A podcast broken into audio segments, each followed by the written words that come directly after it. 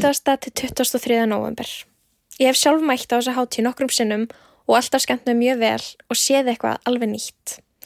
Ég tók við tölvi listakonunnar Ásunni Magnúsdóttur og Gíu Jónsdóttur og eitt listræðna stjórnanda hátíðarinnar, hann Alexander Roberts. Við spjallum um verkin og hátíðina sem er spennandi í ár. Ég heitti Ásunni í Ásmundasal og við tölum um síningarnar sem hún er með á hátíðin í ár. Fegur því mannlegri sambúð og Teenage Songbook of Love and Sex. Ég er að fara að spjalla við hana Ásunnu Magnúsdóttir. Hún er danshöfundur og er í ár með tvö verk á Reykjavík Dansfestival.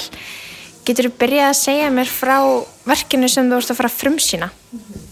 Það heitir Fegur í mannlegri sambúð og ég er meðhöfundur en með mér er Gunnur Martinsdóttir Sluter og Olga Sonja Torrensen. Þannig að við erum allir allar aðstandendur listrann stjórnandi verkefnin sinns en það er unnið sín í náni samstarfi við fatlað ungt fólk. Þannig að hópurinn er stór, við erum kannski 12 manns, fölluð og ofölluð og já, ætlum að gera verk sem við kallum fegur í mannleiri sambúð. Er verkið tilbúið? Verkið er svona eiginlega tilbúið, núna erum við bara svolítið að æfa og að setja það saman en það fjallar eiginlega um Reykjavík eða þannig, þannig að hver og einn meðlumur leikópsins, ef við getum kallað það, hefur valið sér sín uppbólstað í Reykjavík og síðan er síningin þannig að við förum á þessa staði og á þessum stöðum mun eitthvað gerast. Ok, þannig að er þetta þáttökuverk eða? Þetta er svona, við kallum þetta eiginlega bara leiðsögutúr okay. og þetta gerist allt, þetta er endur allt í hundra einum þannig að við völdum öll staði sem eru þar, mm -hmm. þannig að þetta er göngutúr mm -hmm. og þetta er svona fólk sem kemur sem áhöröndur þurfa að taka þátt í göngunni en það verður engin eitthvað beðin að segja neitt eða, eða dansa eitthvað svo leiðis En hvað var til þess að þú fóst á stað í að gera svona verk með þessum hóp? Mm, Svolítið bara áhuga á, bara mér langaði, okkur langaði að prófa það byrjaði þannig að það var eitt strákur fatlaði strákur, ungur 17 ára sem kom til Olgusonju og sagði að það væri ekkert fyrir sig í svislista heiminum það er leikópurum Perlan en það er oft hans eldra fólk og hún fannst veginn bara að vera tómt, tómt svæði. Þannig að Olga kom til okkar og spurði hvort við ættum ekki að gera eitthvað. Við byrjum bara að gera eitt, eitt námskeið í hínuhúsin í fyrra. Og það var bara svo úslega gaman og við hugsaum við verðum að gera einhverja, einhverja síningu þannig að þannig fór það að stað. Þannig að varlega þessum stráka að þakka að við séum hér Um, nú vinnir þau oft með svona einhverjum samfélagshópum sem kannski eins og held ég er réttilega benda og það er lítið fyrir fallu, fallu ungmenni mm -hmm. í leikúsi og líka bara falla fullur af fólk mm -hmm. uh, hvað, hvað var til þess að þú vinnur með hópum? Sko mér finnst alltaf óslægt gaman mér finnst bara óslægt gaman að vinna með mörgum einhvern veginn og mér finnst gaman að hafa marga flytjandur og mér finnst það svona einhvern veginn ókapitalist af því það er erfitt að, að selja það af því það er svo svolítið margir alltaf og margir höfundar og marg, margar rattir sem er gaman að einhvern veginn láta heyrast og, og saminast í einni, mér finnst það, það bara spennandi sem einhvern veginn listamanni, finnst mér að hvernig er hægt að taka hóp sem á kannski ekkit sammeilegt nema það að vera 17 ára eða nema það að vera einhvern veginn fölluð en það er mjög rófið, mjög breytt og, og vera búið til eitthvað sammeðanlega rödd bara hvernig, hvernig er það hægt og mér finnst það alltaf, það all, ég, ég kemur alltaf í þá súpu veginn að gera það, ger svolítið sjálfkraga mm -hmm. um, mér finnst það bara eitthvað svona spennandi Hvernig fannst þér að þú veist byggja að þú veist leita eftir fölluðum röddum, þú veist hvernig tilfinning var það mm -hmm. að, að þú veist hvernig nálgastu það? Já, einmitt, það var svona pínu það var pínu flóki kannski því maður vill ekki, maður er sem ofta að passa sig einhvern veginn, hvað maður segja hvað, einhvern veginn orðræðan er svo sterk og sérstaklega fara að tala um fatla einhvern veginn þar voru við svolítið eiginlega við bara alveg svona einleg stressaðar um að segja eitthvað rámt eða þetta væri eitthvað megu við það, við erum ekki fatlaðar eitthvað svona má þetta, alls konar svona spurningar sem fara stað. En við bara töluðum við marga, marga fatlaða það er aðstofuleikstjóri verksins, hún er fölluð Björg Sigurðardóttir og þannig að við svona reyndum bara að fá þú veist, alls konar rætti með okkur í lið strax frá upphæði hvernig, hvernig ef auglýsa eftir þessu?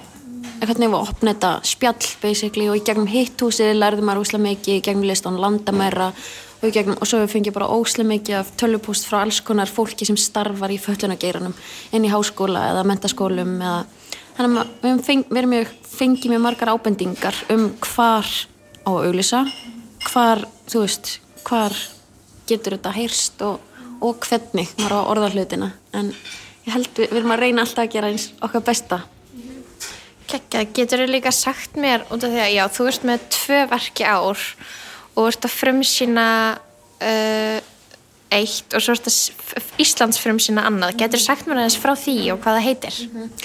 Það heitir Teenage Songbook of Love and Sex og það sömdi ég á samt Alessandri Roberts og Teiti Magnúsinni, tónlistamanni og það með úlingum aldrei um svona 15-19 ára og er eiginlega bara söngleikur og þau eru að syngja um sitt eigið ástar og kynlíf. Og þau sömdu all textana og eiginlega laugin bara í samfunni við okkur. Og þetta er bara röð söngva sem þau syngja og fjallar um þeirra ástarlíf Hvað er þessi úlingar gamlir? Á hvað aldrei eru þau? Þau eru yngstaðir 15 og elsti 19 það, þau eru svona, já, yngstaðir í tíundabekk og, og síðan er mennskóla Það er erfitt, var erfitt að ná fram þessum pælingum og opna þessu umræðu með úlingarum? Það var ekkert svo erfitt, veist, þetta, er allt, þetta er allt krakkar sem ég unni með áður þannig að það er strax svolítið tröst komið einhvern veginn eða flestöll eru krakkar sem ég þekki og er, það er kannski auðveldara að við erum ekki alveg að byrja frá núli en þau hafa bara svo margt að segja og við notum óslega mikið við brefaskriftir þannig að þau eru bara að skrifa bref til einhver sem þau voru skotin í eða til þess sem þau mistu meidómin eða syndómin með eða þess sem að fór ítla með þau eða eitthvað eða getur líka verið bara ástabrif til vinkonuðinnar eða til mömmuðinnar eða eitthvað við notumst óslæm mikið við brefaskriftir í ferlinu þannig að þau skrifu já, endalust, við köllum þetta alltaf bara writing sweatshop, þau voru bara að skrifa bref til alls konar fólks einhvern veginn og sjálfsýns og, og þannig fundum við efnið og það, nei, þau voru eiginlega fyrðu opinn strax frá upphæði Og hvernig síning er þetta? Þetta er bara lög, þetta er söngleikur. Er, við kallum þetta söngleik en, en kannski óhauðbundin söngleikur. Og þau bara syng, þetta er kór danssöngverk og við vorum með kórstjóra Sigur Sofí og Aron Stein sem að þjálfuðu þannig að þau kunna smá að syngja þessi krakkar og þetta er bara svona eiginlega kór, þetta er eiginlega tónleikar okay. skulum við segja okay. en samt á sviði, mjög svona mjög kóreograferaðar tónleikar e, ég man eftir að hafa verið úlingu sjálf fyrir svona tíu árum og þá var alltaf rosa mikið drama í sambandi við ástina skilur, eða þú veist þannig að maður er kannski úlingur en maður heldur að þetta sé eitt og, og maður hafi fundið ástina í lífið sinni þannig að er mikið af tilfinningum og drama. Það er það sko, það er óslæm mikið af tilfinningum og drama, fannst, ég man það líka, maður var alltaf svona ef eitthvað gekk ekki upp þegar maður var 17 ára þá, þá var ég bara single for life einhvern veginn. Mér finnst þau alltaf verið klárari. Mér finnst þau smá sjá í gegnum þetta. Þau vita að þetta er ekki allt svona heilagt. Það eru samt drama, þau eru að finna út þú veist, all, þú veist alls konar að koma út úr skápnum og þannig og það er öruglega for life, skiliru og það er stórt moment sem mun sem mun, sem mun þú munt fylgja, kannski, kannski ekki. En þau eru svona þau eru freka meðvituð um að þau eru ung og það eru margi möguleikar en þau eru samt sem eru brotin í alverðinu og þau eru í alverðinu brotin að vera alltaf í lægi en, en þau, þú veist, þó maður sé ástasorg þegar maður er 16, ég held að sé ja, einhvern veginn alvarlegt og erfitt og þegar maður er 26 eða 56, bara öðruvísi.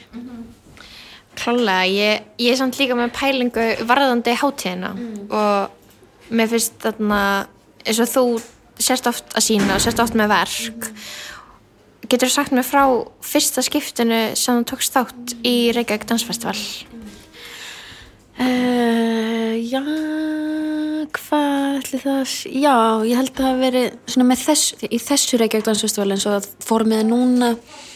Það var með verk sem ég kalla alltaf njálskötuverkið held ég. Það sem að ég vann með nágrannum mínum og það var svona opnunar, opnunarverk 2000 2014, held 2014 það sem að fólki var bóðið í heimsökt til nágrannu minna, bara í mismunandi dansparti þá bjóð ég á njálskautu og, og síðan þá held ég að hafi vil að vera með verk á hverju ári og núna með tvö, ég eiginlega skammast mín. Þannig að kannski næst ekki pásu.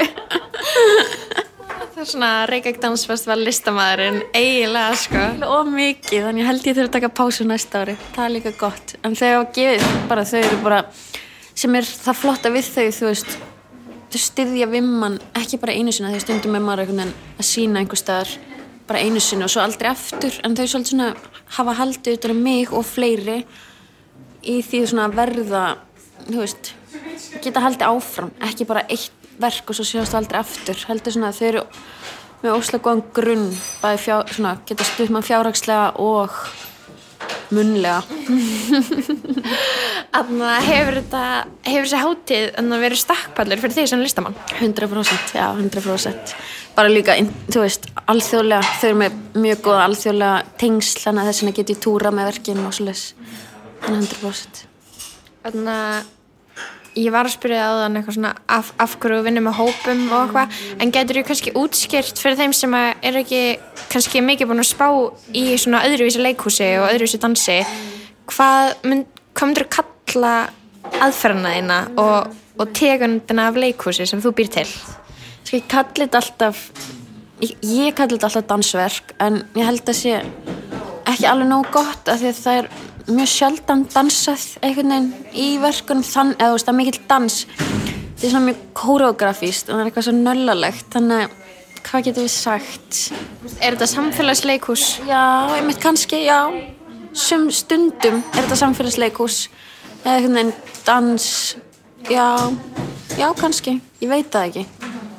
Þetta er oft bara einhvern veginn einhver hó- hópur, einhver spennandi hópur sem kemur saman og síðan oft veit ég ekki hvað ver, veist, verður, verður þetta á sviði eins og fyrirmannlega sams, sambúð með falla föllu ungmennunum. Það er ekki eins og sviði og það var ekkert ákveðið fyrir við, byr, við föttuðum bara já, þetta meikar ekki sens á sviði þannig ég er oftast ekki með beint skýra hugmynd hver varan innan gæðsalappa verður. Heldur kemur það gett í ljós í ferlinu með hópnum. Það er alltaf spennandi þannig ég veit ekki, já þetta er einhvern veginn samfélags tilraun dans Gekjað. Hvað, ma, ég meina loka spurningu, Ásrún, uh, hvað fær þig til þess að búa til list? ég held bara það er alveg klísjum, bara einu tilgangurinn í lífi mínu er að búa til list einhvern veginn, mér finnst það bara að gefa mér og öðrum mjög margt sem, að, sem ég, ég held að sé einhvern veginn, ég held að sé svarið við climate crisis að búa til list Gekjað, takk fyrir spjallið og bara geggjað að sjá þessi verð. Já, takk sem við leiðis Ég heiti Gíði Jónsdóttir í Ásmundarsal og yfir kaffibotla rættum við heldrapöng, námskeið fyrir 65 ára og eldri, en á námskeiðinu stopnaði pöngljómsveit og halda svo tónleika. Gætir þú sagt mér aðeins frá verkinu þínu? Já, uh, verkið mitt er sagt uh, sextaga námskeið sem heitir Heldra Punk og er sagt punknámskeið fyrir 65 ára og eldri þar sem þáttakandur stopna í saminningu punkljómsveit. Og enna er námskeiðið, þú veist, gera það fyrir hátíðina eða er það meðan hátíðinu stendur og geta allir séð? Þetta er, sorry, hvað er marga spurningar? Það sagt byrjar í næstu viku á þriði daginn, 12. og stendur yfir sagt tvær vikur og endar síðan á frumraunar tónleikum hérna nýstofnu hljómsveitar í yðnó lögadaginn 23. november. Er þetta eitthvað sem þú hefur gert áður og, og eða hvað var til að ákvæmst að gera þetta? Sko, þetta námskeið er byggt á gjörning sem ég gerði fyrst árið 2017 sem að hétt Viki How to Starta Punk Band. En þar sagt var ég að láta langþráðan draum minn rætast út af því að mér langaði alltaf til að vera í punkljómsveit og ég fann, ég var svolítið heitluð af wikihow.com á þessum tíma og rakst þar á grein sem var sagt How to Starta Punk Band og ég fór að skoða þessi grein og úr varð sem sagt uh, gjörningur þar sem ég fylgdi tíu skrefum greinarinnar og bjóð til svona aðferðafræði í kringum hvert skref og bauð svo áhörundum að koma og horfa á. Og síðan voru þeir sagt, nokkrir útvaldir með í hljómsveitinni.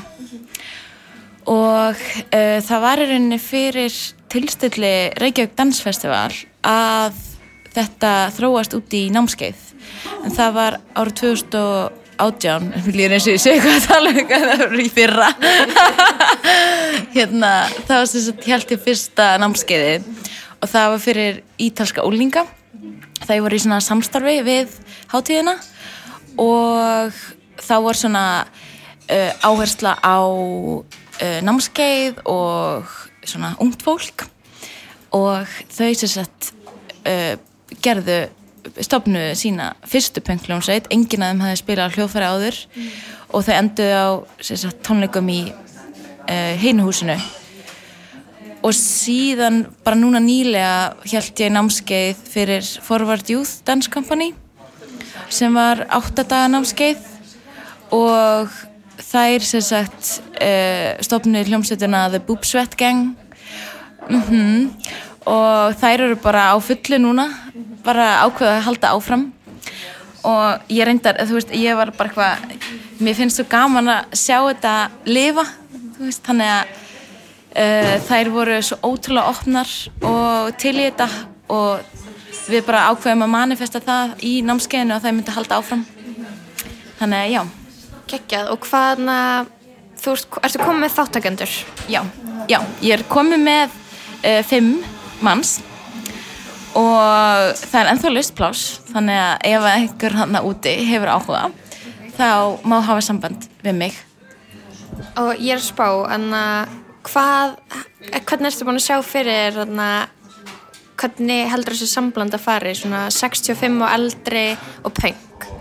Já, sko, mér finnst þetta alveg ótrúlega spennandi uh, vingil því að uh, punkið er svo mikið tengt við að mínum að þetta er svona yngri yngra fólk og svona mótspinnu og svolítið svona skýtt með það attitude sem að kannski eldri kynnslóðir um, eru búin að þroskast frá svolítið. Og en, en síðan er það líka svona ákveð svona samfélagsleg svona samfélagsleg staðall að eldra fólk eigi að vera búið að svona orðið establiserað og svona einhvern veginn það fær minni, minna pláss fyrir tilraunamennsku finnst mér í samfélaginu. Þannig að ég sé námskeið sem bara algjöran grundveld fyrir það að bara svolítið sleppa af sér beislinu og leifa sér að gera tilraunir og skapa á svona frjálslegan hátt. Svolítið svona, það er algjör bara svona æðru leysi sem að ræður ríkjum og það er svolítið svona ástæðan fyrir því að ég er að nota hugmyndafræði punksins.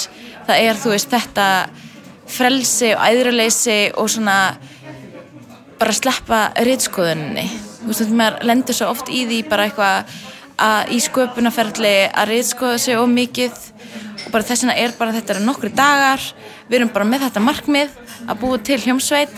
Og það er bara djú djú fullt kyrsla kyrsla og svo bara hérna tónleikar. Gekkjað, hljómar ógíslega vel.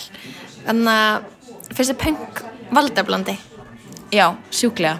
Og þannig að heldur að munir heldur það áfram? Já, eða sko, mér langar það. Ég er alltaf innu bara eitthvað farin að gítli puttan að gera svona námskeið fyrir alls konar einhvern veginn hópa í samfélaginu og það er líka alveg fullt af fólki kringum mig, vinum og félögum sem er bara hvernig alltaf haldið námskið fyrir okkur? Þannig að þú ert dansari og svo, ef þú byrjar sem dansari og svo ferðið út í myndlist, er ekki rétt sem er og ég er að spá, hvernig hvað sess hefur Reykjavík Dansfestival svona í þínu lífi? Vá um, mjög mikinn, ég hef búin að sína svona on and off á Reykjavík Dansfestival sen ég útskrifaðist úr listaháskólinum og byrjaði að sína hérna á svona up and coming plattformiðar uh, á, sama ári ég útskrifaðist síndi hérna loka verkefni mitt úr listaháskólinum og síðan síndi ég um, verk með Guðrúnsalmu Sigurjónsdóttur sem hétt hérna Drop Dead Diet.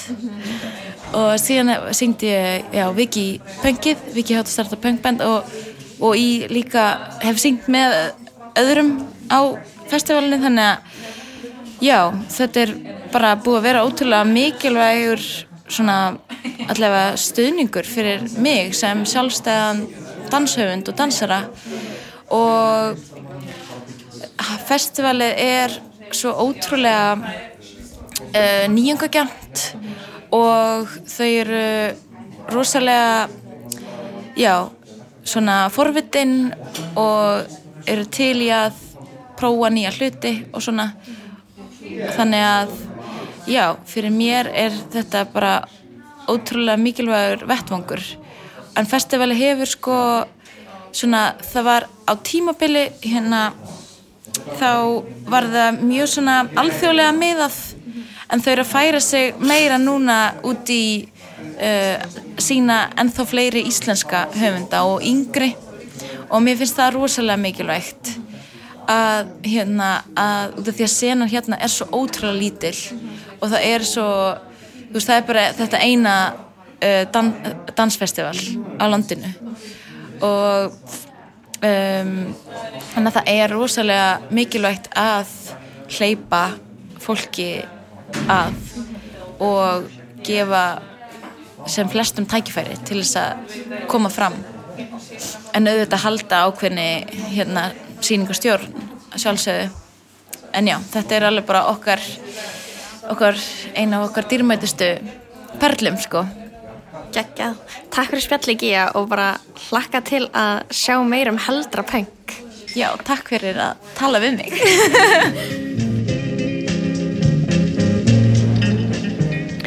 Ég er búin að finna Alexander Roberts, hann er einn af listrænum stjórnendum Reykjavík Dansfestival. Það gerir hann á samt koninu sinni áskerði.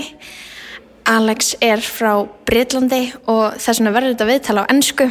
Ég ætla bara að byrja á því að spyrja hann út í hátíðina. Alex, um, why and when did you start working with Reykjavík Dansfestival? Mm -hmm.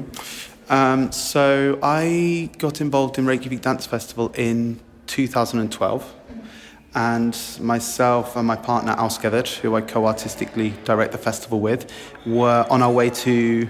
We were living in Amsterdam, and the economic crisis happened there a couple of years before, and then there were these 70% cuts to the arts funding there, and we thought, like, shit, we don't speak Dutch, we have no hope here, we should leave. And so we left there, and we were on our way to the UK and we just swang by Reykjavik for some weeks and Reykjavik Dance Festival was happening and it was the first time because it was 10 years old by that point it was the first time that it was being curated and it was being created then by Hatla Olustottir and uh, this uh, Swedish choreographer called Emma Kim Hagdal and it just happened that it was this amazing festival. There were 15 local artists and 15 international artists that had all been gathered together to make the festival together. So even though they were curating it, everyone had choices to make and um, it was just this amazing party for 10 days and so i think i was sort of conned into thinking like wow this is the most amazing place on earth and um, so out of that i got involved in the festival because the year after Erna Omersdottir and Valdimar Johansson were artistically directing for one year and they asked myself and Ásgeir uh, if we would um, work with them to produce and curate the festival because we had been doing a lot of independent curating outside of Iceland but also in Iceland before that point. So for one year we were supporting them, then they stepped down and we got asked if we wanted to uh, do it and, and we said we are happy to do it but if we're going to do it we want to do it longer not for one year because we want to make some like big structural changes to how the organization works because our vision was to actually say that we wanted to change the relationship that that Reykjavik and Iceland have to dance. Because when you close your eyes and you think, and someone would say, okay, I want you to imagine a dancer, I think most people, probably still today in Iceland, imagine probably the same kind of body. You can imagine if you would ask people to draw it, most people would draw the same kind of body. And it was our thing to say, actually, everyone has a relationship to dance this festival can be a platform for all kinds of voices, all kinds of bodies, all kinds of needs. And we want to work with this vehicle, which has now been going for a decade or more, and use that as a way to insist upon that, like insist on the relationship between dance and the city. So yeah, we took it over in 2000 and uh, our first edition was in 2014 and our first commission, so the first thing we, we did was ask Magnus Magnusdottir to make a work and that work was called um, Church of Dancy and that was, a, that was the opening of our first ever edition and it was done in the homes of the neighbours of Ausrum, which for us was like a big message to say that this is where dance in the city should be living, like it should be living in people's households and people's imaginations, and all kinds of people can create and have a voice in this in this art form. So since then, that's been our man, uh, our mantra has been uh, to think about going into the city and bringing the city um, onto the stage and that relationship, diversifying in both directions, like where can dance happen and also who gets to dance. Okay, cool. Is there uh, something different or special about the festival this year? Um, is there something different about it this year? Well, I, I think we're just going further and further and getting better at this relationship that I was talking about before. Like, if you look um, at the program this year, the kinds of experiences that the festival's inviting you into are quite different than the ones I think you would expect to be invited to in a dance festival. Like you can, um, we've commissioned, we're commissioning a lot of works this year. We have a work with Gia Jonsdottir where she's working with people over 65 to make a punk band.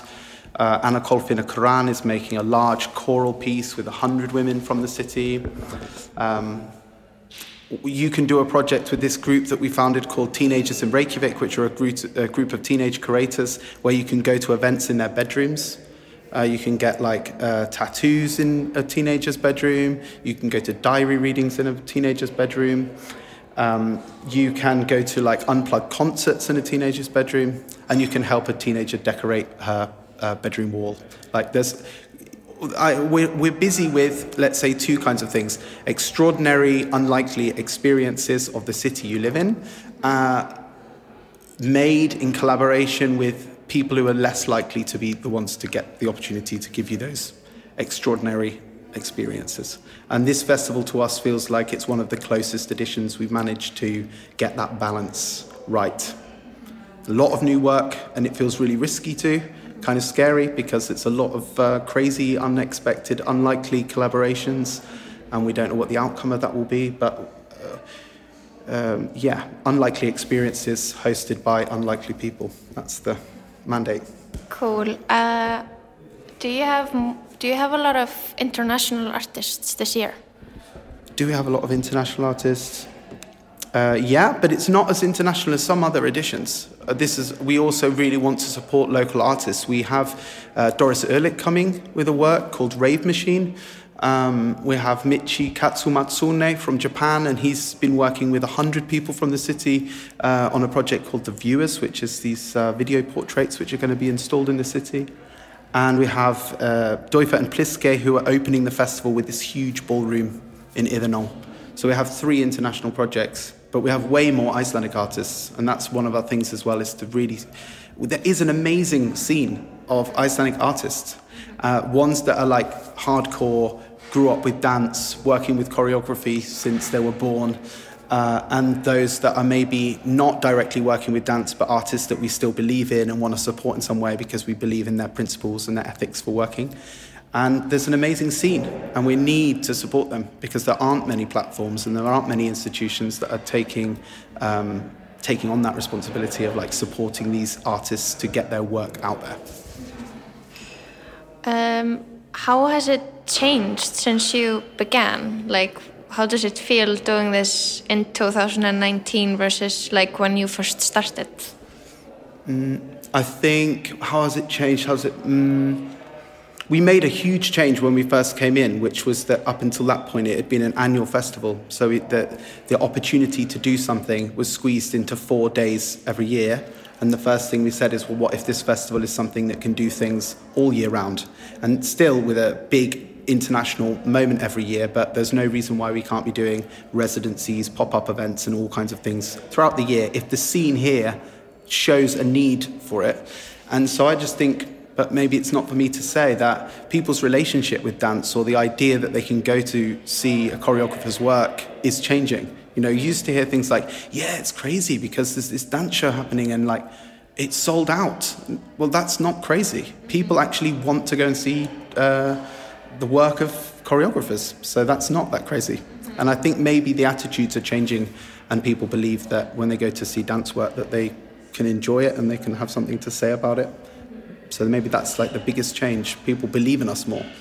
We became a city festival this year. So that's quite big. That's cool. Do you have any advice for people who are maybe going to be going for the first time, who are just totally new to dance? Uh, yes, I have some advice. There's loads of free stuff. So you can uh, come and see a load of shows with, uh, like, for free. Um, bring friends with you so you're not alone. And bring friends that either you feel like might like it or friends that you can have a good laugh with about like what this whole experience is. And that's the main thing as well we also wanted this year. It's very easy with a festival to fill it up with loads and loads of stuff. Uh, we, we really wanted to say but this is, festivals are also just about partying and they're about like getting people together and having an amazing time and hanging out with strangers and hanging out with friends and so I think this festival this year is about a lot about that. Why it's like free, a lot of free stuff. You can attend, you can party with us, um, and just take a risk or take a day. Like when I look at Reykjavik International Film Festival or something, there's so much on, and the only way I can navigate the program is if I just say, okay, I'm going on Thursday. Mm-hmm. So like if you have no idea what you want to see, just take a day and go and see everything. Mm-hmm. That's my advice. That's cool. Uh, thanks so much for the chat and have fun. Yeah, thanks a lot. Thanks.